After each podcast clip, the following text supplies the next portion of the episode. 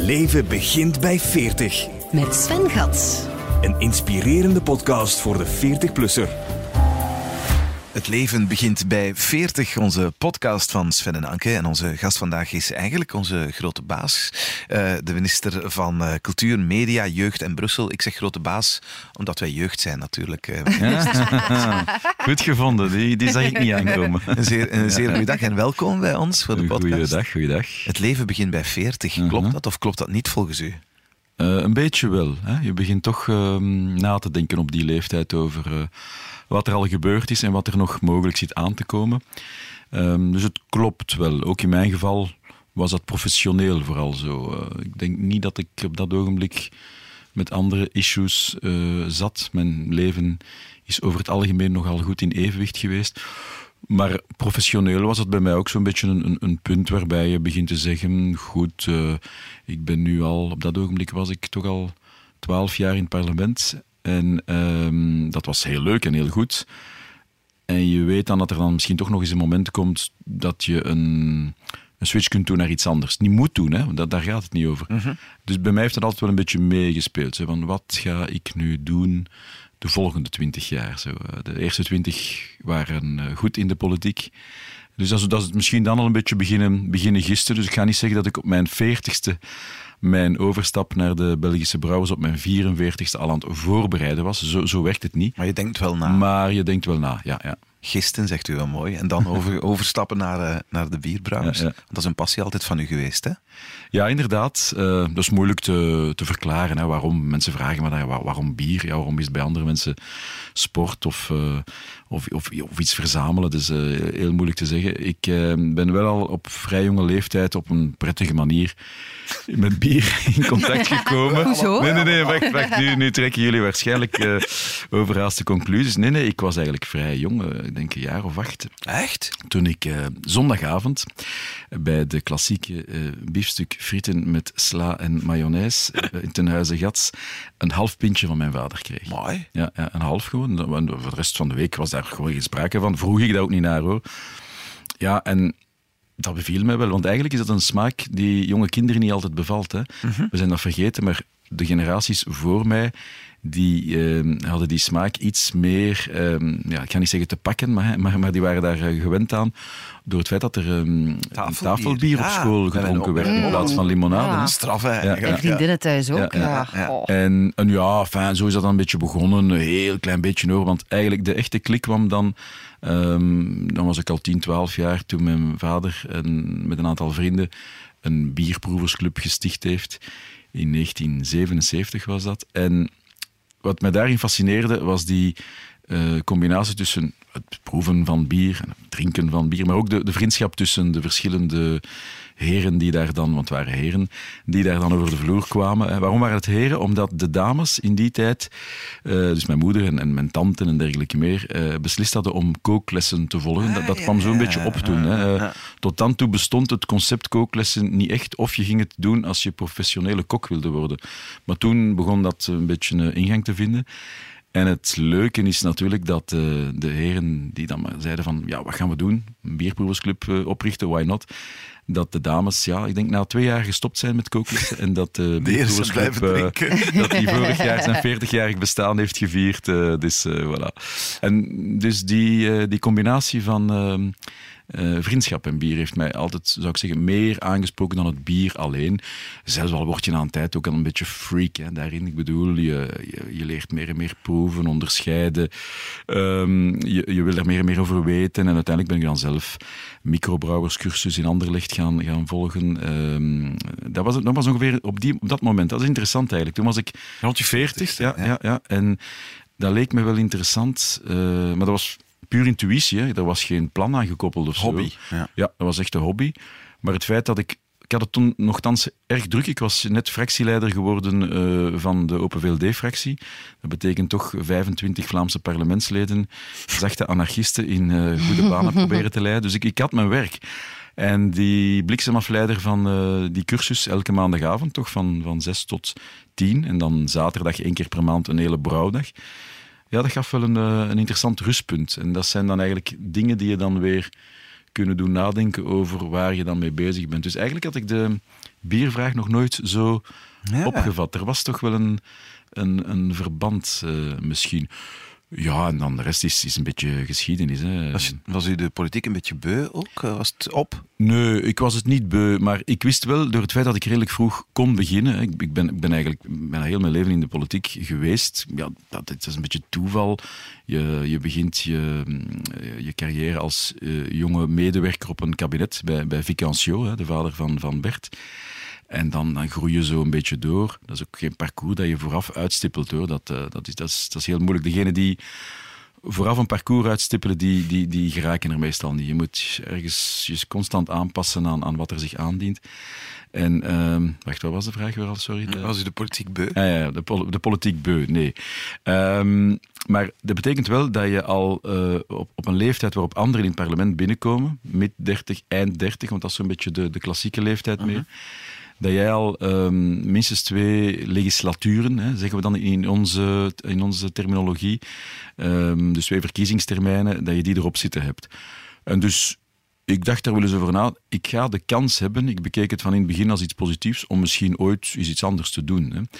En wat wel meegespeeld heeft in, in, in dan een overstap naar een andere, een andere functie, een ander beroep, is het feit dat op een gegeven moment heb je wel een eerste ronde gedaan. Je hebt niet alles gezien. Je kunt niet zeggen dat je op je 40ste of op je 44ste alles gezien hebt. Dat zou zeer aanmatigend zijn. Maar je hebt wel de indruk van, ja, ik heb hier toch al wel het een en het ander gezien. Ik had uh, het uiteenvallen van uh, een partij meegemaakt, hè, de uh -huh. Volksunie. Hè, en dan ben ik naar Open VLD gegaan. Dat is geen doorsnee uh, element in het traject van het gemiddelde parlementslid. Dat was een heel heftige periode. -huh. Verdwijning elke dag partijen. Hè. Um, ik had ook een aantal andere dingen meegemaakt. Ehm, van, van meerderheid naar oppositie. dat zijn dan meer de klassieke dingen. En... Um, ik had ook, dat is wel een element dat meegespeeld heeft. Ik heb twee keer dicht bij het ministerschap gestaan. Waarbij ik nogmaals wil zeggen: het is niet uh, omdat je minister bent dat je politieke carrière geslaagd is. Hè. Ik vond dat ik een verdienstelijk parlementslid was. Zo dachten de kranten er blijkbaar toch ook over in een aantal hè, fameuze klassementen uh, voor de verkiezingen. Uh, ik vond dat ook waardevol op zich, hè, want het parlement wordt, komt veel kritiek op. Ja, wat doen die daar? Die babbelen veel, luisteren niet naar elkaar. Um, je kunt van, als parlementslid ook een heel andere um, uh, loopbaan uitbouwen met, met um, andere thema's aan te dragen buiten het parlement. Enfin, dit terzijde, uh -huh. ik was dat graag. Maar op een gegeven moment voel je wel, als je zo andere collega's ziet, ja, tja, die wordt minister van die partij en die mm. wordt minister van die partij, dan zeg je, ja, waarom zou dat nu niet voor mij in het verschiet liggen, hè, als die dat kan, hè, onder, onder dat motto. Hè. Ja, dat is een beetje een gezonde ambitie, hè, dat ja. hebben jullie misschien ook. Jullie luisteren ook wel eens naar de concurrentie, hè, van wat waar zijn nee, ze mee bezig? Nee, nooit. Nooit, nooit voilà. van. En uh, ja, dat was het net niet. Hè. De eerste keer was uh, toen we niet in de regering zaten in 2009. En dat moet je gewoon aanvaarden als politicus. Je partij zit mee in de coalitiestroom of niet. Dat, is, dat zijn de regels van het spel. Maar ik wist toen wel dat als we erbij konden zijn, en we hadden erbij kunnen zijn, dan was ik waarschijnlijk uh, minister van wat ik nu ben, al geworden. Ja, ja, dat was heel dichtbij. Ik was er heel goed uitgekomen met de verkiezingen. Uh, Open VLD had het toen niet goed gedaan, maar, maar Guy van Hengel, Guy Verhofstadt en ik zelf wel. En dan is het, lijkt het alsof iedereen een stap achteruit zet. En dan zit jij, dan, ja. kijk je, dan ben jij plots vooruit zonder dat je een stap vooruit gezet hebt, of, of een halve. Goed, maar dat was dan niet zo. Dat, dat, is, uh, dat kon ik wel plaatsen. Uh, maar kort daarna, enkele weken daarna, uh, ging mijn collega Guy van Hengel van de Brusselse regering naar de federale regering, waar hij vicepremier werd. En toen was er een plaatsje vrij. Ja, en toen zei Guy Verhofstadt, die tijdelijk partijvoorzitter was. Voilà, um, die plaats is voor u. Hè. Dat, dat was dus ik was een dag virtueel minister.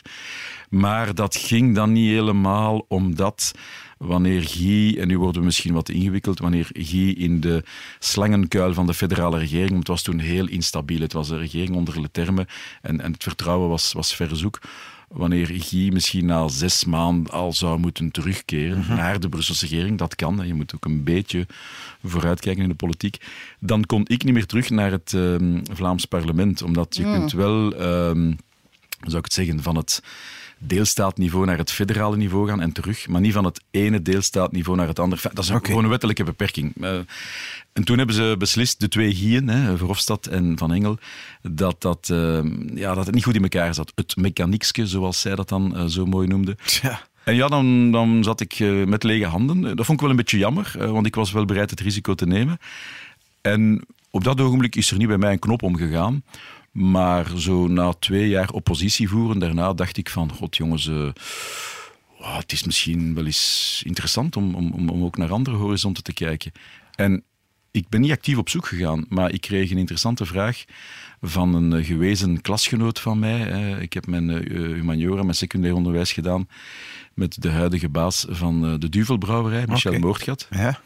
En die vroeg me dat zo eens op een, op een blauwe maandag bijna hoor. Want ja, wij zoeken al lang iemand die directeur van de Belgische Brouwers zou willen worden, want het, we vinden niet het juiste profiel.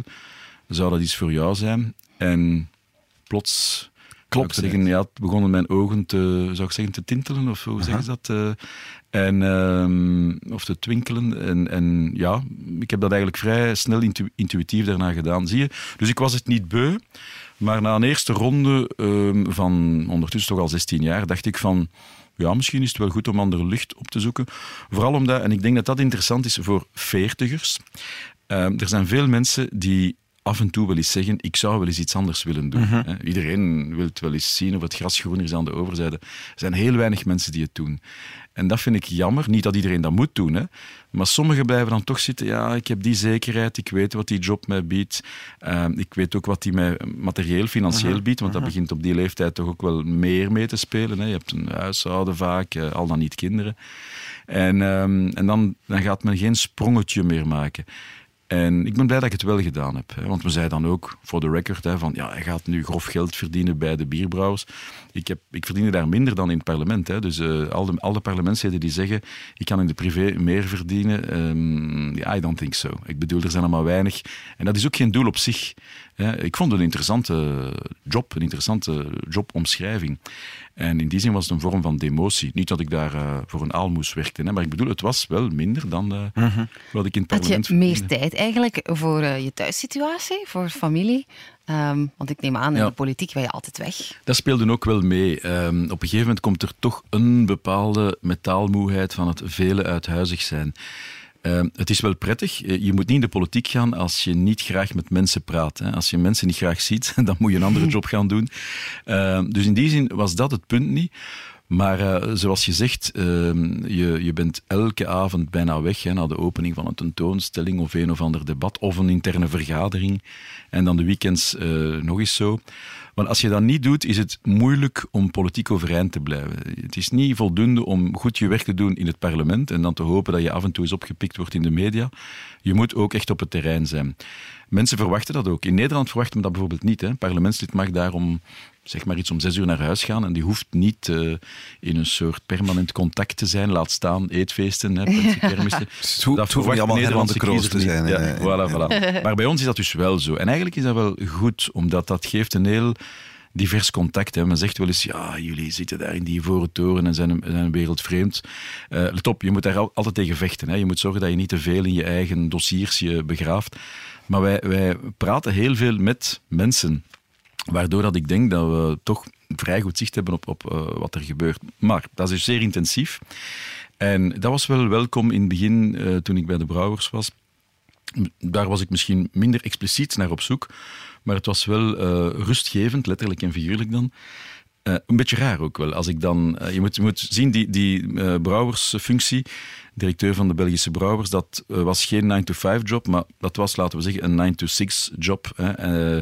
en om zes uur sloot ik dan het, de, de, de deur van het... nee, niet van het café, maar de deur van het Brouwershuis op de Grote Markt hè, van Brussel, achter mij. En dan had ik zo wel de eerste drie maanden gevoel van, en wat nu?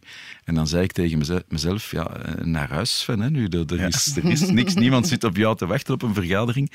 Uh, dat was wel even wennen. En dat heeft me ook zichzelf wel goed gedaan, um, omdat je ook in een andere situatie komt waarbij je heel goed leert uh, hoe mensen naar jou kijken en keken. Grosso modo zou ik durven zeggen dat een derde van de mensen die um, ik kende van in de politiek, dat die nog in mij op dezelfde manier geïnteresseerd waren. Als mens, als vriend, als collega. Als, uh, Ja. En twee derde, eh, die, waren, die zeiden nog wel, meestal beleefdheidshalve goeiedag. Maar, maar je was niet meer interessant voor Ja. En dat was, ja, maar dat was interessant Ja, om dat te beseffen. inderdaad. Ja, maar dat was niet, dat was niet koud of ijskoud of koel. Hè.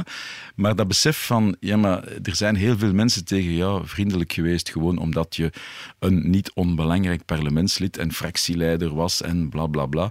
Dat eh, dringt dan wel door dat dat, dat, eh, ja, dat de realiteit is. Nu ook, hè. Nu, nu, nu ben ik minister en nu. Hebben die mensen zie- even pech uit het verleden, zeg? Nee, nee, die hebben geen pech. Maar nu moet ik daar ook soms wel door proberen te kijken. Mensen zijn eh, bijna altijd vriendelijk. Hè. Ze hopen altijd wel ergens dat er iets van, van, de, van de vrachtwagen valt. een officiële subsidie of iets anders. En ehm, ja, je moet daar opnieuw leren doorkijken. Dus, maar dat was een interessante levensles, klinkt nu nogal hard, hè, maar dat besef van daar op dat brouwershuis een beetje meer in de luwte te kunnen werken en na te denken over wie je bent en waar je vandaan komt en waar je naartoe gaat. Dat heeft mij zeker deugd gedaan. Ondertussen had ik daar ook wel mijn werk. Hè. Dat was, eh, er werd ook, er werden ook wel een aantal dingen van mij verwacht. Hè. Je, je, moest, Uiteraard. je, moest, je moest je inwerken, je moest je opnieuw bewijzen. Je kwam Maar wel met je passie eh, bezig zijn. Hè? Ja, maar toch, eh, Nee. mijn, mijn voorzitter, eh, want, want je hebt een voorzitter van een federatie, hè, die, uit, die een brouwer zelf is, en eh, de directeur dan, hè, met zijn kleine staf, die, die voor de federatie werkt, die zei me dat ook op de eerste dag, eh, van ja, je hebt nu eh, al goed en veel en lang kunnen eh, genieten van het, de toffe kant van het bier, nu ga je ook met de andere kant eh, kennis maken. Ah. Met de andere kant bedoel ik gewoon, ehm, brouwers ehm, zitten een stukje in de entertainment business hè, en verkopen wel een stukje eh, plezante elementen. Maar tegelijkertijd, ja, eh, die bier moet wel verkocht worden. Hoeveel accijns worden daarop gegeven? Wat met eh, heel de logistieke stroom van die flessen die teruggaan naar de brouwerij. Hoe dik mogen blikjes zijn, hè, alvorens ze de druk van, van bier kunnen aankunnen of dergelijke meer. Dus er kwamen wel heel veel dingen bij kijken. Maar dat vond ik ook heel interessant. Dus ik wil maar zeggen, het romantische van die job, dat moet je een beetje doorprikken. Er waren eh, interessante elementen bij op dat vlak. Ik ben eens naar Tokio mogen gaan voor het Belgian Beer Weekend, Japan, dat soort dingen. Dus dat is heel prettig. Maar voor de rest was dat gewoon Werk. zorgen dat, ja, dat eh, de grote en de kleine brouwerijen eh, kregen wat zij dachten van een federatie te moeten krijgen. Maar daar zou ik, daar zou ik zelf bang voor zijn, eh, dat het mijn passie ook zou kunnen doodmaken. Weet je, ik, ik kook ongelooflijk graag en mensen vragen wel eens, zou je nooit een restaurant willen openen? En dan denk ik, ja, het is zo leuk om voor vrienden te koken. Je moet mij geen zorgen maken over foodkost, over hygiëne, Ja. Mij over, en al dat soort toestanden. Terwijl als ik een restaurant zou hebben, ja, dan moet, dat is economische realiteit. Knijpt het een passie ook niet een beetje dood? Nee, toch niet. Het heeft mijn passie nooit doodgeknepen. Ik ga zelfs meer zeggen. Ik ben blij dat ik mijn passie ook een stukje in het huis, in het brouwershuis heb kunnen binnenbrengen.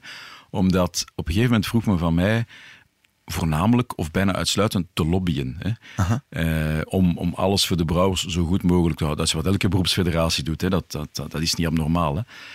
En ik heb toen aan mijn eh, broodheren, eh, eh, of mijn bierheren, hoe moet ik dat juist noemen, toch wel duidelijk gemaakt van kijk, het, wij kunnen makkelijker lobbyen wanneer wij ook de biercultuur en de, eh, ja, de, de positieve elementen daarvan meer in de verf zetten. Wij verkopen geen plastic of hout, hè. Wij verkopen bier, dat is iets helemaal anders.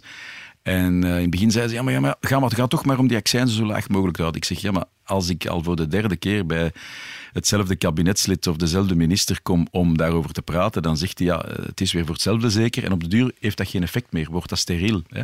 Eh, en dus moet je eigenlijk naast de andere elementen, en ook de tewerkstelling en de economische elementen, eh, volgens mij meer inzetten op die passie juist, op eh, die biercultuur. En om een concreet voorbeeld te geven... ehm, ik heb er mee voor gezorgd dat de biercultuur werelderfgoed, immaterieel cultureel erfgoed voor UNESCO geworden is. En in het begin vroegen al die brouwers, ja, maar wa- wa- waarom moeten we dat nu doen? Ah, dat is wel sympathiek, mag hoor, geen probleem, maar wat gaat ons dat nu opbrengen? Ik zeg niets, hè, want je mag dat label van UNESCO niet op je eh, etiketten zetten, zeker niet. Hè. Je mag het niet aan, aan iets commercieel linken. Het gaat over de cultuur die er omheen zit. En ehm, toen het er dan was, na vele jaren, hè, want zo, zo lang duurt een, een dossier eh, op wereldniveau dan, dan waren ze heel enthousiast. Hetzelfde met een aantal ehm, filmpjes die we gemaakt hebben om de, om de biercultuur te promoten. Een beetje op zijn Belgisch, hè, door een Amerikaan, een Chinese en een Parisienne te laten zeggen hoe goed het Belgisch bier wel was. Wij, wij werken zo als Belgen, hè. Dan, dan geloven we. Als het buitenland het zegt. Hè. Dat was ook zoiets waar, waar ik in het begin heb voor moeten vechten om dat ehm, gedaan te krijgen. Ehm, omdat ze zeggen, ja, maar we maken reclame met al onze merken afzonderlijk. Waarom moet daar zo nog eens een, een, een koepel boven, mm het, Belgisch bier? Ik zeg omdat dat het ook een wereldmerk is, hè, net zoals Schotse whisky of Franse wijn. Uh, dat, dat blijft nog altijd de, de top van de piramide. En ik herinner mij nog de reactie van mijn voorzitter, misschien luistert hij, uh, um, toen de filmpjes af waren. Nou, een goede en lange voorbereiding met professionals die ons begeleiden. Zei, maar potverdorie, dat hadden we al veel langer moeten doen. En toen dacht ik in mijn eigen, ja, dat ben ik al twee jaar hier aan het duidelijk maken. Dus zie je, je kunt wel ervoor zorgen dat je uh, de meer zakelijke elementen, uh, die soms zeer energievretend zijn van een beroep en een passie, dat je die toch in evenwicht kunt houden met een passie. Dus nee, na drie jaar Belgische brouwers is mijn passie voor het Belgisch bier niet afgenomen. Maar toen was het glas toch plotseling weer half leeg? Of was er... Uh, wel, ja, weet je, op dat ogenblik, hè, want nu, nu alludeer je op de, de vraag van de, van de terugkeer natuurlijk. Ja, dat is, dat is zo onwaarschijnlijk dat je die vraag nog krijgt na drie jaar. Ik was er totaal niet meer mee bezig. Hè. Ik wil dat wel duidelijk maken. Wat mij betreft was ik weg uit de politiek. En zou ik daarna wel hè, verder mijn weg gemaakt hebben. Ik ging zeker nog een aantal jaren uh, in het Brouwershuis gezeten hebben. En daarna vraagteken, we zien wel. Um, maar ik was dus niet meer bezig met de politiek. En af en toe toen het wel eens wat minder was uh, in, in de Belgische brouwerswereld, dan, dan stelde ik mezelf ook de vraag van, ja, maar zou je dan terug willen naar het parlement? En mijn antwoord was altijd, nee, dat heb ik gezien, dat heb ik wat gehad. Um, maar ik ik heb mijzelf nooit de vraag gesteld, dat zou zeer vreemd geweest zijn. En zou je dan minister van cultuur willen worden? Mocht ik die vraag aan mezelf gesteld hebben, dan zou ik misschien een klein beetje gek beginnen worden. Dus dat heb ik nooit gedaan, want dat was... Je kunt je dat niet voorstellen. Dus je zegt, nee, het, het politieke hoofdstuk zoals ik het beleefd heb, is afgesloten. Maar je krijgt dan plots die vraag van je voorzitter, van Gwendolyn Rutten, eh, toch wel heel onverwacht hoor. Ik zag zoiets aankomen uh, 24, 48 uur op voorhand. En ik dacht, maar dat is toch wel heel onwaarschijnlijk. Zo van, ik voelde dat er iets aan het bewegen was. Plots begonnen mensen mij weer te contacteren. Uh, er waren mensen op Twitter die zeiden, ah, dat zou een goede keuze zijn. Ik dacht, maar nee, maar waar, waar, is, waar komt dat nu vandaan? Dat streelde mijn ijdelheid wel, hè, van ja, men is mij nog niet helemaal vergeten. Maar uh, ik heb toen gedaan wat ik altijd deed, uh, niets gedaan. In de zin van, het is altijd beter, je kunt dat niet altijd afdwingen, hè, maar het is beter als je gevraagd wordt en als je daar zelf probeert. Uh, ik zeg, ik zit hier goed, uh, ik ben tevreden met uh, wat ik doe. Die vraag zal waarschijnlijk niet komen. En als die komt, ja, dan, dan, dan zien we wel. En ze is er gekomen. Um, en dat, dat, gebeurt altijd in een instant moment. Hè, want je krijgt dan een sms'je, wil je straks eens naar Rillaar komen? hè, de plaats waar Gwendoline Rutten woont. En dan, ja, ja, en dan zeg je, ja, dat is niet om een koffietje te drinken. en effectief, zo is dan ook gebleken. En dan heb ik wel, dat geef ik toe, dan heb ik maar uh, een halve seconde moeten nadenken. Omdat er zijn niet zoveel mensen die minister van Cultuur willen worden. Mm -hmm. Ik denk dat veel mensen het als een, uh, media en jeugd en Brussel uiteraard. Hè. uh, maar er zijn veel mensen die dat als een troostprijs zouden beschouwen of iets te perifeer ten opzichte van de cenakels van de macht. Hè.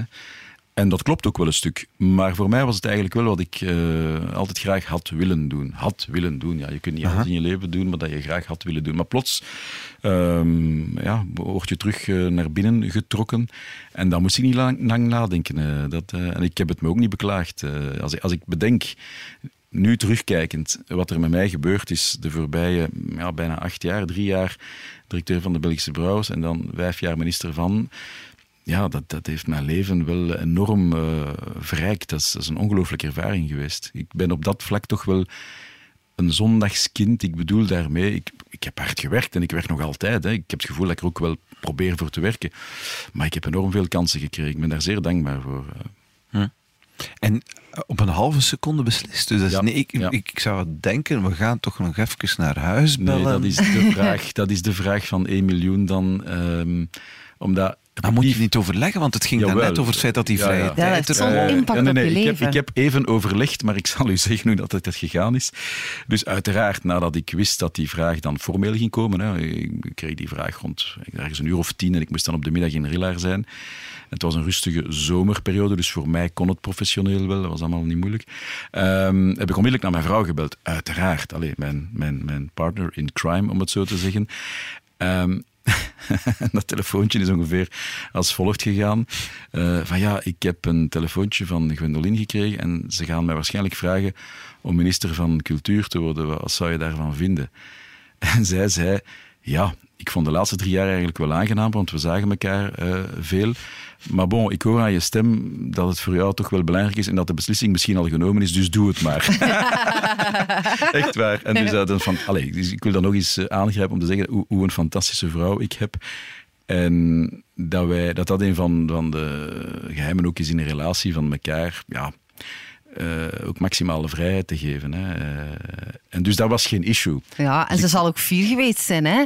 Als mijn man mij belt en zegt van ik ben gevraagd om minister te worden, zeg ik ook, doe maar lieveke. Wel, misschien was dat ook wel een beetje zo. Ja, dat, dat, dat zou wel kunnen. Maar bon, voor haar was dat... Want ik had daar met daar niet over gesproken. Ik zeg, ja, allee, als ik nu thuis begin daarover te spreken, van er gaat mij misschien iemand iets vragen, dan zegt hij ook van, waar, waar, zijn je allemaal mee bezig? Dus zij wist echt van niks.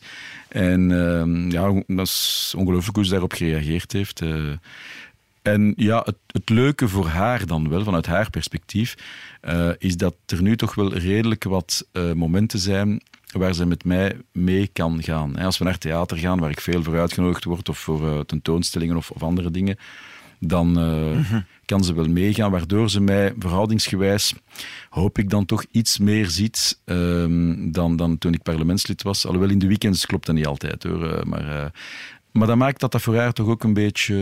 Allez, een, een, de, de pil wordt een beetje verguld, ja. zeggen. Ja, ja. Veel van, van, wat, van wat u geleerd hebt, of ondervonden hebt, of, of ervaren hebt bij de Brouwers, kunnen meenemen weer naar de politiek, of toch niet? Wat zeg je? Bedoel, Heb, hebt u veel van de, van de dingen die u in die andere job dan even hebt meegemaakt ah, ja, kunnen meenemen naar de politiek? Ja, ik denk het wel. Um, ik heb ten eerste geleerd uit mijn comfortzone te komen. Hè, en dat is heel belangrijk. Af en toe moet dat echt eens gebeuren. Ik heb ook uh, beter leren rekenen. Ik ga nu een heel concreet voorbeeld geven. Natuurlijk kon ik rekenen, maar en ik was zelfs op een gegeven moment voorzitter van de commissie Financiën, die dan de macrobegroting van ja, in die tijd toch ook al 20, 30 miljard van de Vlaamse regering besprak in het parlement. Maar dat gaat over zeer uh, grote en op, op de duur dan ja, bijna abstracte bedragen van tientallen, honderden miljoenen, miljarden. En bij de brouwers was het, kijk, voilà, je hebt hier een uh, begroting hè, van, van ja, ergens tussen de anderhalf en de twee miljoen euro waarmee die federatie moet gerund worden. Doe het nu maar. Hè. En uh, dat was voor mij zeer interessant, omdat ik, ik werd een beetje meer terug in mijn scoutsleiderschap geslingerd, waar ik maar oplossingen voor praktische problemen moest, moest verzinnen. Liefst dan nog in een consistente uh, context. Hè, dat je niet uh, de ene dag die beslissing nam en de andere dag een andere. Dat je een beetje een lijn in die beslissingen had. En dus dat heeft mij wel geleerd om veel uh, analytischer te leren naar cijfers te kijken. Wat mij nu ook helpt in, in deze job. En daarnaast, ja, het heeft mijn, mijn geest ook wel wat opengetrokken. Uh, ik heb geleerd met uh, multinationals als AB InBev en Heineken uh, te werken. maar ik heb ook geleerd wat de realiteit op de vloer is voor een, een kleine startende brouwer die geen vergunning voor zijn waterzuivering krijgt of, of dergelijke meer. En dus ja, ik, ik, durf wel zeggen, ik zal het nooit weten, want het tegendeel gaan, we, gaan we niet te weten komen, dat door die omweg van drie jaar ik een, een betere, hopelijk, hè, vindt men dat op het terrein ook, een betere minister ben kunnen worden dan, dan wanneer ik gewoon vanuit het parlement naar uh, ministerschap zou gegaan zijn. Dus in die zin is het wel een soort reality check die, um, die ik mijn collega's zou kunnen aanraden. Uh -huh. Niet dat wij in het eilen werken en dat we alleen maar dingen in theorie weten. Nogmaals, hè, we komen met heel veel mensen in contact. Maar um, ja, het is toch wel iets wat ik, wat ik zou durven, uh, durven aanraden om, om te doen. Uh, dus, ik, dus ja, ik heb, ik heb toch wel veel geleerd. Voor de rest heb ik ook wel veel geleerd uh, of veel kunnen toepassen bij de brouwers dat ik al kende van het parlement. Je komt in een heel politiek milieu terecht. Hè. Je nu zeggen, ja, brouwers, politiek. Jawel, jawel. Dus eh, een federatie is altijd politiek. Er zitten grote, middelgrote en heel kleine spelers. En die moeten allemaal door één deur kunnen. En uh, die, die trekken het laken ook allemaal naar zich toe. En dat, is, dat was wel wringen en doen. Dus mocht ik mijn bagage van consensuszoeker of compromisvinder niet gehad hebben vanuit het parlement, zou ik het daar veel moeilijker gehad hebben. Ja. Want daar werd heel veel politiek bedreven. Er werd heel veel ook achter de rug van mensen gedaan. Uh, en dat moet je dan ook kunnen zien. Hè. Dus in die zin, eh, als ze mij zeiden, mis je de politiek niet? Ik zeg nee, ik ga regelmatig lobbyen bij politici, maar het zit hier ook in het Brouwershuis. Dan keken ze me altijd zo aan. Ook ten aanzien van die brouwers, ik zeg, ja, maar jullie doen aan politiek. Uh, politiek zit overal, hè. Uh, Uiteraard. Waarschijnlijk ook in deze studio. Ah, amai. Uh, amai. nu zeker vandaag. ja. ja, ik vind allee, heel veel ministers um, zien we altijd van een, een stoerste kant. U hebt zich een paar maanden geleden van uw meest kwetsbare kant laten tonen door te bekennen dat u eigenlijk al ah, sinds jaar en dag antidepressiva slikt. Uh, bent u blij dat u dat hebt gedaan? Dat u dat hebt verteld? Ik ben wel blij dat ik het gedaan heb, omdat ik echt verrast was over de stroom van reacties. Ik bedoel daarmee, ik dacht dat uh, die, die, die bekentenis hè, bij, bij Gert Late Night op de boot, dat dat niet meer zoveel deining zou veroorzaken, omdat uiteindelijk we weten de laatste twee decennia uh, toch al veel meer over depressie. We weten dat heel veel mensen uh, er op een of andere manier mee geconfronteerd worden. Een vierde of een derde. Dus dat betekent dat iedereen wel iemand kent, een uh, familielid of, een vriend of een vriendin, die ermee geconfronteerd wordt. Um, en ik dacht in die zin, ja, ik ga dat mee aan bod brengen, omdat het ook zo met het programma was overeengekomen. Van, maar um, ik heb begrepen dat uh, toch nog altijd een, een, vrij groot taboe blijft, finaal. Um, omdat uh, waar, waar we, het, gaat, gaat verder of dieper dan alleen maar depressie of burn-out. Uh, het gaat erover dat kwetsbaarheid in de samenleving nog altijd, of, of dat tonen, hè, dat nog altijd mm -hmm. heel tricky is. Hè. Iedereen zegt altijd maar dat iedereen moet kunnen zijn wie hij of zij wil. Wel, kwetsbaar zijn maakt daar onlosmakelijk deel van uit. En toch zijn er maar weinig mensen die dat durven, dat begrijp ik omdat er soms ook mensen heel uh, hard en boertig op kunnen reageren. En Is dat gebeurd nu? Uh, wel, laten we zeggen, dat was minimaal. Hè. Ik heb zeggen en schrijven ongeveer 500 reacties op die, uh, op die coming out hè, uh, gekregen. Wat, wat veel is, hè, want als politici zeggen dat ze heel veel mails krijgen van over dit probleem of dat probleem, mm. is dat meestal vijf of tien en dan is dat. Let op, dat zijn ook signalen. Hè. Mm -hmm. Maar nu waren dat plots 500, alles sociale media bijeen, mails, messengers, weet ik veel. En er waren dan vijf reacties van, uh, van mensen die zo zeiden van ja, ik word liever niet geregeerd door een minister met een depressie. En zo precies mm. dat ik uh, elke morgen zo een beetje raar in de spiegel sta en dan de meest waanzinnige beslissingen neem. En dan nog eens bier erbij. En dan nog eens bier erbij, inderdaad.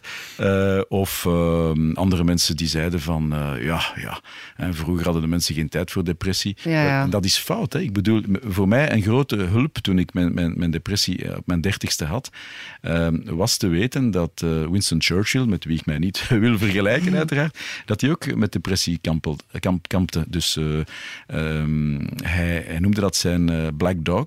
-huh. En als je ziet wat een ongelooflijke carrière die man heeft uitgebouwd, met toch regelmatig ja, uh, met, met, met, een stevige depressie geconfronteerd te worden, dan is dat helemaal niet nieuw. Hè. Alleen benoemen we het nu. En dus ik ben blij dat ik het gedaan heb. Uh, omdat uh, blijkbaar ook toch heel veel mensen geholpen. Hè. Dus 495 dan hè, van de 500 waren mensen die zeiden: Ik ben blij dat, dat je dat gedeeld hebt. Dat maakt het voor mij makkelijker. Ik herken dat ook. Hè. Als je dat hebt, heb je nood aan mensen die het ook gehad hebben en die het signaal kunnen geven: je geraakt hieruit. Want als je het hebt, denk je dat je daar niet uit geraakt. Dat is heel heel erg eigenlijk op dat ogenblik. En twee, het tweede ding wat ik wil zeggen is van kijk, het kan met een pilletje beter gaan. Ik heb, een, ik heb, ik heb niet onmiddellijk uh, antidepressiva heel de tijd genomen. Ik nam het ook alleen maar om de ja, drie of vijf jaar toen het zo nog eens de kop opstak. Het was dus niet heel de tijd. Um, maar op mijn 44ste, bij de brouwers, toen ik daar ook weer mee geconfronteerd werd, dacht ik van ja wat je ook doet. Hè. Dus het is niet gelieerd of aan, aan de politiek. Hè. Uh, het, is, het is gewoon aan wie dat je bent. En het is erfelijk bepaald mm -hmm. door mijn moeder. Um, wat je ook doet, je zal daarmee verder geconfronteerd worden. En toen heb ik beslist, bon, goed, ik ga, ik ga toch maar dat permanent doen. Uh, en sindsdien ja, leid ik gewoon, zou ik zeggen, een normaal leven. Het is niet dat, dat die pillen je uh, extra opgewekt maken. Hè. Nee, die, die hadden gewoon een soort stabiliteit. Dat als je stressmeter te lang en te veel in het rood gaat, dat die terug uh, op een normaal pijl kan komen. Dat die niet uh, doorslaat. Hè. Wat is dat wat er voor het eerst dan op je dertigste is gebeurd? Ja, omdat ik... ik ben eigenlijk een heel rustige persoon, zoals u misschien al gezien hebt. Maar tegelijkertijd, ja, van binnen heeft iedereen wel een, een bepaalde stress of spanning of taakspanning om dingen goed te willen doen. -huh. wat in mijn geval gelukkig allez, nogal veel en goed lukte. Dus, uh, dus ik had geen, geen enkele reden om, uh, om, om, om ergens uh, te twijfelen of, of angsten of vrees te hebben. Maar wat ik wel gedaan heb, en dat is een fout, maar dat, dat, je maakt fouten in je leven en, en, en dat, niemand ontkomt daaraan, is toen ik op mijn 28ste verkozen werd, heb ik mij op die functie als volksvertegenwoordiger gestort uh, als een leeuw op zijn prooi. In de zin van, het kon precies niet genoeg zijn van wat ik allemaal deed. Hè. Als er een werkgroep rond een bepaald thema in de partij moest opgericht worden, of als ik nog dit moest doen of dat moest doen, ik deed het er allemaal bij. En ik had niet door dat ik mezelf gewoon aan het overladen was. Het was te veel. Het was te veel, het was gewoon te veel. En dat gekoppeld aan die uh, erfelijkheid. Ja, sommige mensen hebben het later. Hè. Sommige mensen hebben het effectief misschien meer, hè, op, op, op hun veertigste of dergelijke meer. Achteraf bekeken, ja, was het misschien goed voor mij dat ik het toen al gekregen had. En achteraf uh, bekeken waren er misschien al enkele signalen uh, van dat ik daarvoor ook wel wel uh, zou ik zeggen, een aanleg daarvoor. Maar je herkent, de eerste keer herken je dat heel slecht. wat gebeurt er? Ik, wat gebeurt ja, wat gebeurt er? Je, eigenlijk in het begin uh, heb je nergens meer zin in. Dus alle dingen die jou veel plezier geven, voetbal of met de vrienden ergens naartoe gaan, ik zeg maar iets. Hè, daar sta je plots heel uh -huh. neutraal tegenover. Niets kan jou nog opwinden. je bent ook meer moe, je hebt minder energie. Dat zijn de, de meer klassieke elementen. Dat, dat lijkt nog vrij onschuldig. En dan ontstaat er een, een, een, moment waarop het heel onaangenaam wordt. Dan begint, uh, maar dat is puur fysiologisch, dan begint er een soort angstgevoel op sommige momenten jou te overmannen. En uh, je weet dan wel rationeel dat je geen angst moet hebben, want er is niks om angst voor te hebben. Maar je hebt het wel en je hebt het eigenlijk vrij onaangenaam. Dat uit zich daarom niet altijd in een aanval of zo, maar in een, in een heel uh, onprettig gevoel. Angst, angst waarvoor? Uh, wel, dat is juist het probleem. Je, eigenlijk, je, er is, een, er is een, een, stof in je hersenen die niet meer goed werkt, namelijk je, je stressniveau hè, is oververhit geraakt. En je bent dus eigenlijk constant in, uh, in, in, in uh, overspannen modus, uh, waardoor angstgevoelens daar automatisch in de stoffen in je hersenen bij komen kijken. En er is geen angst ergens voor. Dus concreet, je wordt dan ook, uh, je slaapt minder goed, of je slaapt nog altijd wel goed in, maar je wordt dan wakker om uh, vier, vijf uur in plaats van om zes, zeven uur. En je, je, dat, dan, dan, voel je echt heel, heel slecht. En dan denk je van, wat gebeurt er met mij? Want je weet dan bijvoorbeeld, ik heb die dag dat programma, uh, beheer ze allemaal tot in de puntjes. Er is geen enkele reden voor angst, maar toch heb je het. En dus al die elementen samen, ja, die, die, die, die leiden je dan wel tot de dokter. In het begin heb je dat niet goed door. Als je zo, ja, ik heb wat minder zin, ik ben wat meer moe. Dat kan gebeuren. Maar als je die dingen begint te krijgen, uh, je recupereert dus niet meer. Het systeem zit constant in overdrive, slaat op hol. En je moet dus een bepaalde stof, en dat is dan medicinaal, krijgen om terug gewoon dat evenwicht te hebben. Dat is ja, zoals sommige mensen een moet ik zeggen, een hartafwijking hebben uh -huh. of, of, te veel cholesterol. -huh. of, uh, het, is, het is ook een, een medisch gegeven hoor, puur. Ik ben geen dokter, hè, dus dat wil zeggen, ik, ik heb mijn uh, ervaring daarmee gedeeld hè, bij Gert Late Night en hier nu ook. Uh, ik wil dus niet simpelweg zeggen van uh, neem een pilletje en alles komt terug in orde. Dus ik ben geen dokter. Ik wil gewoon mijn ervaring delen. En mensen die inderdaad hè, zich vragen stellen, heb ik nu een depressie of wat is er met mij aan de hand? Die moeten echt een dokter zien. Die dokter Uiteraard. kan zeggen van kijk, voor jou is dit het beste of dat het beste. Mm -hmm. Sommigen kan het ook therapie zijn.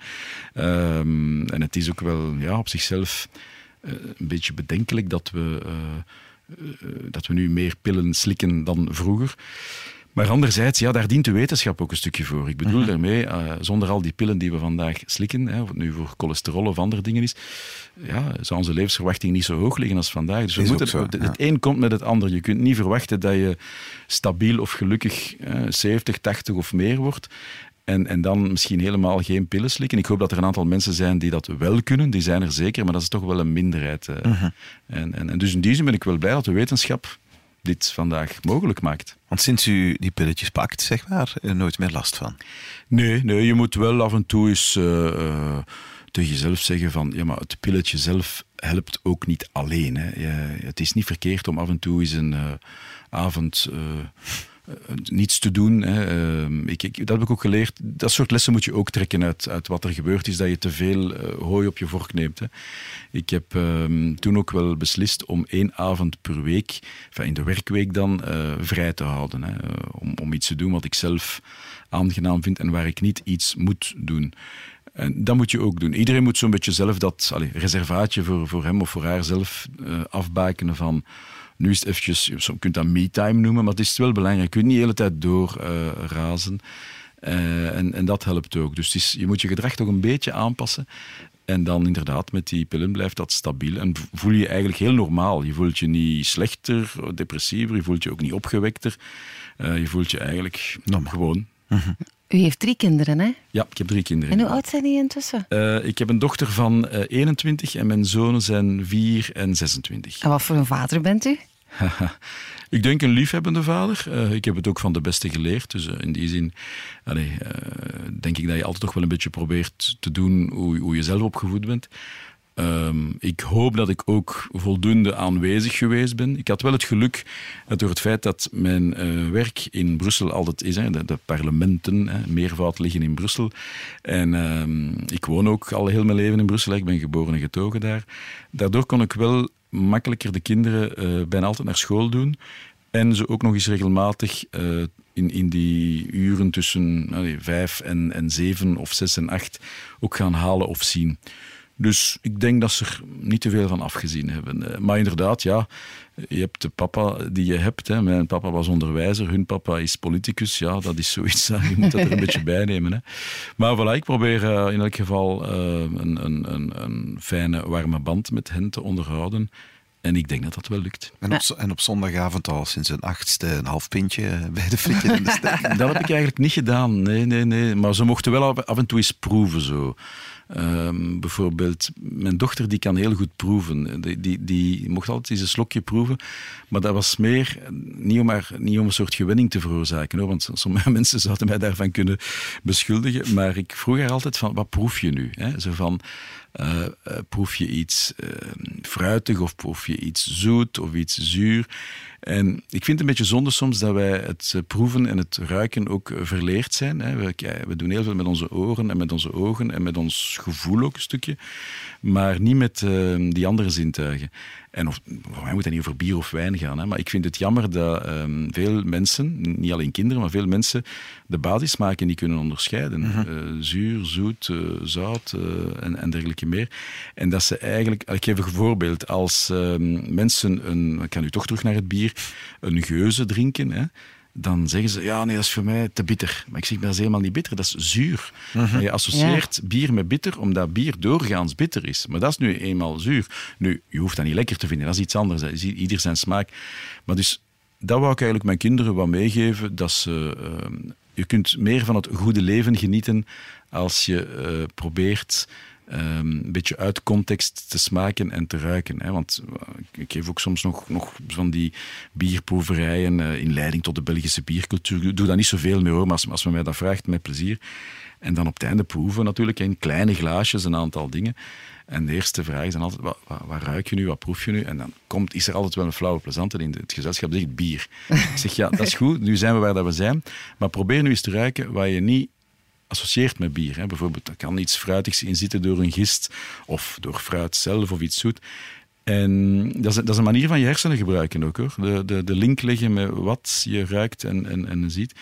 En daarom vond ik het prettig, mijn kinderen. Ja, en ze lusten het uit alle drie. Zo lusten het alle drie, inderdaad. Ja. Nee, ik lust het niet, hè? Ja, maar dat oh. kan. Je hoeft het ook niet te lusten. Hè. Ieder het zijn. Hè. Maar het is leuk als je... Uh, als je voor jezelf. Ik vind dat de levenskwaliteit verhoogt als je voor jezelf kunt um, uitmaken waarom je iets lekker vindt. En het heeft toch ook vaak met opvoeding te maken. Hè? Ik bedoel, ik eet graag orgaanvlees, niertjes en lever en dergelijke meer. Ja, waarom eet ik dat? Omdat mijn moeder dat mij als heel klein jongetje al voorschotelde. En ik kan me inbeelden, als je dat dan later krijgt, dat, dat sommigen zeggen, eikens, dat moet ik niet hebben. En voor mij moet je het ook niet eten. Hè? En dus in die zin is opvoeding niet alleen in de grote dingen belangrijk, maar ook in, soms in de kleine dingen. Hè. Maar ja, dat is ieder huishouden voor zich natuurlijk. Ach, op, op, je veertiende een mazoet drinken op een carnavalsbal en denken van lekker stoer te zijn, dat was niet... Oh, ik vond dat zo vies, zeg. En, ja, dan, heb ik, en dan heb ik... is tot op vandaag vies. Dat maar... is afschuwelijk, maar sindsdien heb ik dus nooit meer bier gedronken. Hè. Dat is echt maar dat uh, zijn, ook traumaatje. dat zijn ook interessante lessen. Hè. Ik bedoel, iedereen zal, zelfs al willen we dat voorkomen, ik begrijp dat ook, iedereen zal wel eens voor de wettelijke leeftijd van 16 dronken geweest zijn of iets gedronken hebben dat hij of zij niet lekker vindt. En eigenlijk wil je dat vermijden, want het zou niet mogen. Maar het zijn lessen van het leven. Je kunt die niet ontwijken. Die zijn essentieel om, om, om je daarna te verder in te ontwikkelen. En- je doet het niet meer of je doet het meer. nee, dan En ben dus- ik geheel onthouder geweest tot mijn dertigste. Echt ja, waar. Ja, maar dat kan. Waarom niet? Waarom niet? Er is niks mis mee. En ik was op mijn 21ste aan mijn eerste pintje Ja. begonnen. Maar Ja. laadbloeier. En goed ingehaald. Je bent nu ondertussen eh, al een tijdje minister van Media. Eh, dat eh, onder andere en cultuur. Misschien is cultuur nog een moeilijkere kant, zeker. Hè? Want als je zo zijn Het is heel verschillend. cultuur is niet makkelijk omdat je met een kritische sector te maken hebt, en dat mag hè, terecht, die natuurlijk meer publieke ondersteuning wilt, lees meer subsidies. Hè. Ik kan niet zeggen dat het zich daartoe weer leidt, maar dat is toch wel vaak de, de relatie. En soms wordt het daartoe te veel verengd. Ik bedoel, het is ook een, een sector die eh, vaak opkomt tegen het, het materialisme, het materiële. En dan wordt hun waardering door mij ook afgelezen van hoeveel geld krijgen we. En dan zeg ik van ja, daar klopt toch iets niet in die... Let op, ik pleit nu niet voor eh, minder geld voor cultuur, helemaal niet. Maar ik bedoel, soms is dat een, Raar. een beetje een twisted argument zo, eh, waar ik probeer doorheen te geraken. En waar ik denk ook met een, na de besparingen van het begin van de deze legislatuur nu toch weer een, een mooie opbouw. Eh, dat ik ook veel eh, in gesprek geweest ben met, eh, met kunstenaars. Veel op terrein geweest, veel mensen bezocht.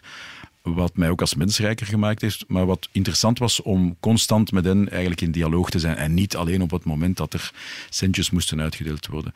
Media is iets helemaal anders. Hè. Media, eh, daar heb je als minister eigenlijk niet zo heel veel over te zeggen. Hè. En gelukkig maar. Ten eerste heb je niks over de inhoud te zeggen. De media zijn vrij, dat staat in de grondwet. Sommige mensen vergeten dat. Hè. Sommige mensen denken dat ik eh, hier aan Joe zou moeten zeggen: je moet meer slagermuziek draaien. of je moet meer dit of je moet meer dat. Die mails Eh, waren niet van jou. Nee, nee, maar ik wil maar zeggen, mensen denken dat ik eh, op radiogebied een DJ ben, of op dat ik op tv-gebied, de VRT, regelmatig mag zeggen, zeg, die journalist heeft daar dat gezegd, dat mag niet en die moet nu zijn excuses aan. Mensen vragen dat ook. Hè. Maar mensen beseffen niet dat dat heel gevaarlijk is. Hè. Als je eh, dat met goede bedoelingen doet, doet er morgen iemand anders met slechte bedoelingen. En dan zit je in Turkije of in Moskou of een dergelijke meer. Eh, en dat willen we niet. Eh, hier, hier is het anders. Dus hier moet je er tegen kunnen dat de dingen gaan zoals ze gaan en dat er een bepaalde vrijheid van meningsuiting is. Dus, dus dat, daar heb je al niks aan te zeggen. Maar je hebt ook weinig te zeggen aan het economisch systeem van de media. Ik heb wel een beheersovereenkomst, hè, zo heet onze relatie dan tussen VRT en ministerie van Media, eh, met de openbare omroep. En daarin leggen we een beetje dingen vast. Hè, van ja, je moet toch wel voldoende ook aan cultuur besteden. Of Want dat is met dingen. hè. iedereen's geld eigenlijk. Hè? Ja, ja, voilà, voilà. Dus in die zin maken we daar grote eh, afspraken op grote lijnen. Mhm. Maar niet in detail. Hè. Ehm, dat, dus dat hoort ook niet zo. Maar alle andere mediabedrijven, zoals jullie, eh, of zoals de kranten, eh, of zoals de nieuwe spelers, eh, Netflix, zeg Mhm. maar iets. Ja, dat zijn bedrijven, hè. die zijn hier op een markt en die brengen eh, aan de mediagebruiker, eh, de, de luisteraar, de kijker, weet ik veel, wat, wat ze willen. En daar moet jij niet te veel tussenkomen. Omdat de illusie wekken dat je dat zou kunnen, is, is heel gevaarlijk. eh, en hoeft ook helemaal niet. Eh, dus dat maakt het wat complexer wel. Hè. Maar bijvoorbeeld door het feit dat ik ehm, tijdens mijn bierjaren hè, met grote bedrijven zoals AB InBev of Heineken heb eh, moeten werken en, en, en eh, onderhandeld, eh, kan ik dat ook wel makkelijker nu ook met, met grote bedrijven zoals Medialaan En de Christian Telenet, maar iets wereld, Voilà. ja. Omdat ik weet hoe zij denken en wat zij nodig hebben. Maar zelf kan ik daar maar een heel, mm, ja, moet ik zeggen, faciliterende rol in spelen. Ehm, dus dat is, dat is wel, wel vrij complex. Maar tegelijkertijd, eh, laten we wel wezen, eh, we hebben, we hebben niet alleen op cultuurvlak een enorme rijkdom hier in dit land. Hè. We spelen echt wel way beyond our league eh, qua wereldkwaliteit in het algemeen. En hetzelfde geldt voor, voor media. Ik bedoel, alles kan natuurlijk beter, dat weet ik ook wel. Maar als je ziet welke kwaliteit er hier geboden wordt. En ik zeg dat niet omdat ik met jullie in een studio zit, hè, maar dat is gewoon zo. We beseffen veel te weinig. Kijk maar eens naar de Italiaanse tv, wat je daar allemaal te zien krijgt. Ja, daar word je toch niet echt vrolijk van. Het is een laag niveau. Eh, bij ons zijn er veel meer goede programma's. Wat goed is, dan moet iedereen maar voor zich uitmaken. En de kwaliteit eh, ligt veel hoger. Dus in die zin, globaal geloof ik wel dat eh, de kijker, de luisteraar, heel veel te, te ontdekken, te krijgen heeft. En je moet dat als minister van Media gewoon verder mogelijk maken en koesteren en daar niet te veel rare ingrepen in doen. Dank u wel voor het duwtje richting digitale radio ook. Hè? Want het zijn, Ja. we zitten op 70s kanaal en Ja. 80s kanaal, weet je wel. Dat is zo'n discussie, hè, Ja. van, van moet je dat nu doen? Hè? Want, want daar krijg je, de radiowereld is zo'n wereld op zich, hè? daar krijg je vrij veel eh, vragen en kritiek over. Eh, moeten we nu van FM naar DAB Plus gaan? Eh, ja, ik denk dat we dat moeten. Ten eerste is dat een Europees programma dat ook in andere landen wordt uitgerold. Ten tweede, het is niet abnormaal dat je om de zoveel decennia eh, is van technologie, eh, zou ik zeggen, eh, omschakelt. En verbeterd. En verbeterd, ja, want de mensen vinden nog altijd, ja, maar FM is wel goed. En, en dat is ook wel goed, want het gaat al jaren mee. Maar de luisterkwaliteit van DAB Plus is toch geweldig beter. Zeg het ons eens. Voilà. En tja, jullie kunnen bijvoorbeeld ook een programma maken waarbij jullie ehm, de, de, zou ik zeggen, de informatieve kant van jullie programma voor alle luisteraars hetzelfde maken, maar waarbij ze met muziekkeuze... Dat doen wij exact nu. Voilà, en dat is fantastisch. En dat is echt. Vlaamse innovatie. Echt waar. Mensen onderschatten. Daar kijken ze in de rest van Europa met open mond naar. En ze zeggen, ah, dat kun je ook doen met, die- met DAB+, om je luisteraars te, te plezieren eigenlijk. Hè. En daarom denk ik dat het een goede zaak is om, om dat te doen. Dat zal nog wel de nodige tijd in beslag nemen. We zijn weer voor twee of drie jaar vertrokken om, om die zachte omslag te doen. Maar... ehm, dat zijn dan zaken waar dat je wel je rug even voor moet rechten. Hè. Een beslissing nemen en die dan gaan uitvoeren. En die, die lijn aanhouden. Eh, ondanks alle eh, kritiek of andere dingen. Dus eh, dat maakt het ook wel interessant. Eh, we gaan bijna afronden. U bent, eh, u bent nu wel even de 40 voorbij. Ehm, 40 met 11 jaar ervaring. Inderdaad. wat, zegt, wat, wat, wat moet de toekomst u nog brengen? Waar, wat, waar hoopt u op? Eh, Ja, ja, dat is een boeiende vraag, omdat bij 40 kijk je al even achteruit. Maar wat er voor jou ligt is nog heel ruim. Hè? Je zit in de helft ongeveer. Hè? En bij 50 kantelt dat al een beetje, omdat er ligt al meer achter jou natuurlijk, dat is logisch. professioneel zeker. Hè? Ja, ja, en er ligt al iets minder voor jou. Dus je bent nog niet oud, maar je kunt niet meer zeggen dat je jong bent. Of, of jong, alleen jong. Je, moet niet eeuwig jong willen blijven. Je bent geen dertig meer, dat bedoel ik gewoon. En ja, wat ik professioneel zou willen is eh, ja, nog een aantal interessante jaren in de politiek. Hè, maar wat dat dan brengt, dat weet ik niet. Ik ben ook wel van plan om in de politiek te blijven, want eens men eh jou terugvraagt hè, met toch wel een mooi mandaat op een zilveren dienblad, ja, dan kun je niet zomaar hè, in, uit, in, uit eh, de politiek gaan. Dus we gaan even door. Ehm, mocht er dan eh, nog een wiel afdraaien, dan heb ik toch nog altijd de deur op een kier naar iets anders. We zullen wel zien. Maar je begint je ook al andere dingen af te vragen. Het gaat echt niet alleen meer over je loopbaan, omdat je loopbaan heeft al in belangrijke mate vorm gekregen. Ehm, en dus het gaat ook over eh, wat er in het leven nu eh, zit aan te komen. Ik bedoel daarmee eh, ehm, mijn oudste zoon ja, en zijn, ehm, zijn echtgenoot, hè, want ze zijn nog niet zo lang geleden getrouwd ja, die zullen er ooit wel eens aan beginnen, zoals dat heet. en dat, zei- dat zal niet meer zo heel lang zijn. Dat zal niet onmiddellijk zijn, maar dat kan binnen nu en twee jaar zijn. En dat, zijn, eh, eh, dat, dat doet ook wel iets met de mens. Dat, dat perspectief en dergelijke meer. Dus het gaat, hoe moet ik het zeggen, het is toch altijd elk, eh, elk nadeel heeft zijn voordelen. Je wordt ouder, maar ik denk het, het ge- genoegen om effectief ja, grootvader te kunnen worden, ja, hoor mij nu, eh, dat is toch wel iets waar ik wel naar uitkijk. En dat geeft een ander soort rijkdom weer aan, aan een leven. Hè. Als je dan zegt van ja, maar misschien op dat ogenblik eh, zal eh, het hoogtepunt van mijn politieke loopbaan achter mij liggen. Ik weet dat niet, hè. Dat, dat, dat, maar dan zijn er andere dingen die voor in de plaats komen. Dus over dat soort dingen mijmer je wel eens wanneer je 51 bent. En ja, verder hoop je, want dat is toch wel, hè, we hebben het daar straks in het gesprek ook over gehad, verder hoop je natuurlijk gezond te blijven. dat, je, dat, je, dat je alles zo lang mogelijk op een deftige manier kunt doen. En, en dat is natuurlijk een, een ander paar mouwen. Hè. Want dat merk je wel. Hè. Op je veertigste ehm, ben je nog eigenlijk wel fit genoeg om een aantal zaken te doen. Op je vijftigste ook hoor. Maar je voelt wel elke tien jaar gaat er toch een serieuze lap af. Eh, ja. ja, ja, ja. Dus je, je, je, je kunt niet meer wat je, wat, je, wat je vroeger kon. Dat is ook niet erg. Dat is, dat is een besef waarmee je moet leren omgaan. Maar het is toch... Ja, elke, elke vijf jaar, elke tien jaar is toch wel een serieuze eh, stap eh, allee, achteruit, durf ik niet noemen. Maar je moet je aanpassen, je moet andere dingen beginnen doen. Maar kijk, om maar één voorbeeld te geven, voetballen kan ik niet meer. eh, of allee, ben ik gewoon veel te traag voor geworden. Fietsen. En nu zit ik op de koersfiets. hè. Dus je probeert telkens een soort eh, erzats te vinden. En dan daarna wordt dat misschien wandelen. Daarna wordt dat misschien kaarten.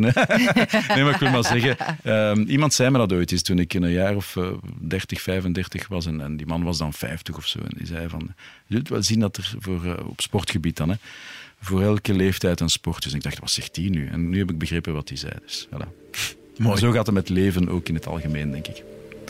Dank u wel voor dit gesprek. Met Ja. veel plezier, heel fijn. En dit was hem dan, onze Joe-podcast Het leven begint bij 40 van Sven en Anke, met als centrale gast onze mediaminister Sven Gats. Wil je op de hoogte blijven van de nieuwe afleveringen van deze podcast? Abonneer je dan via je favoriete podcast-app of luister naar ons radioprogramma Sven en Anke elke dag tussen 6 en 9 op Joe. Joe 70s en Joe 80s.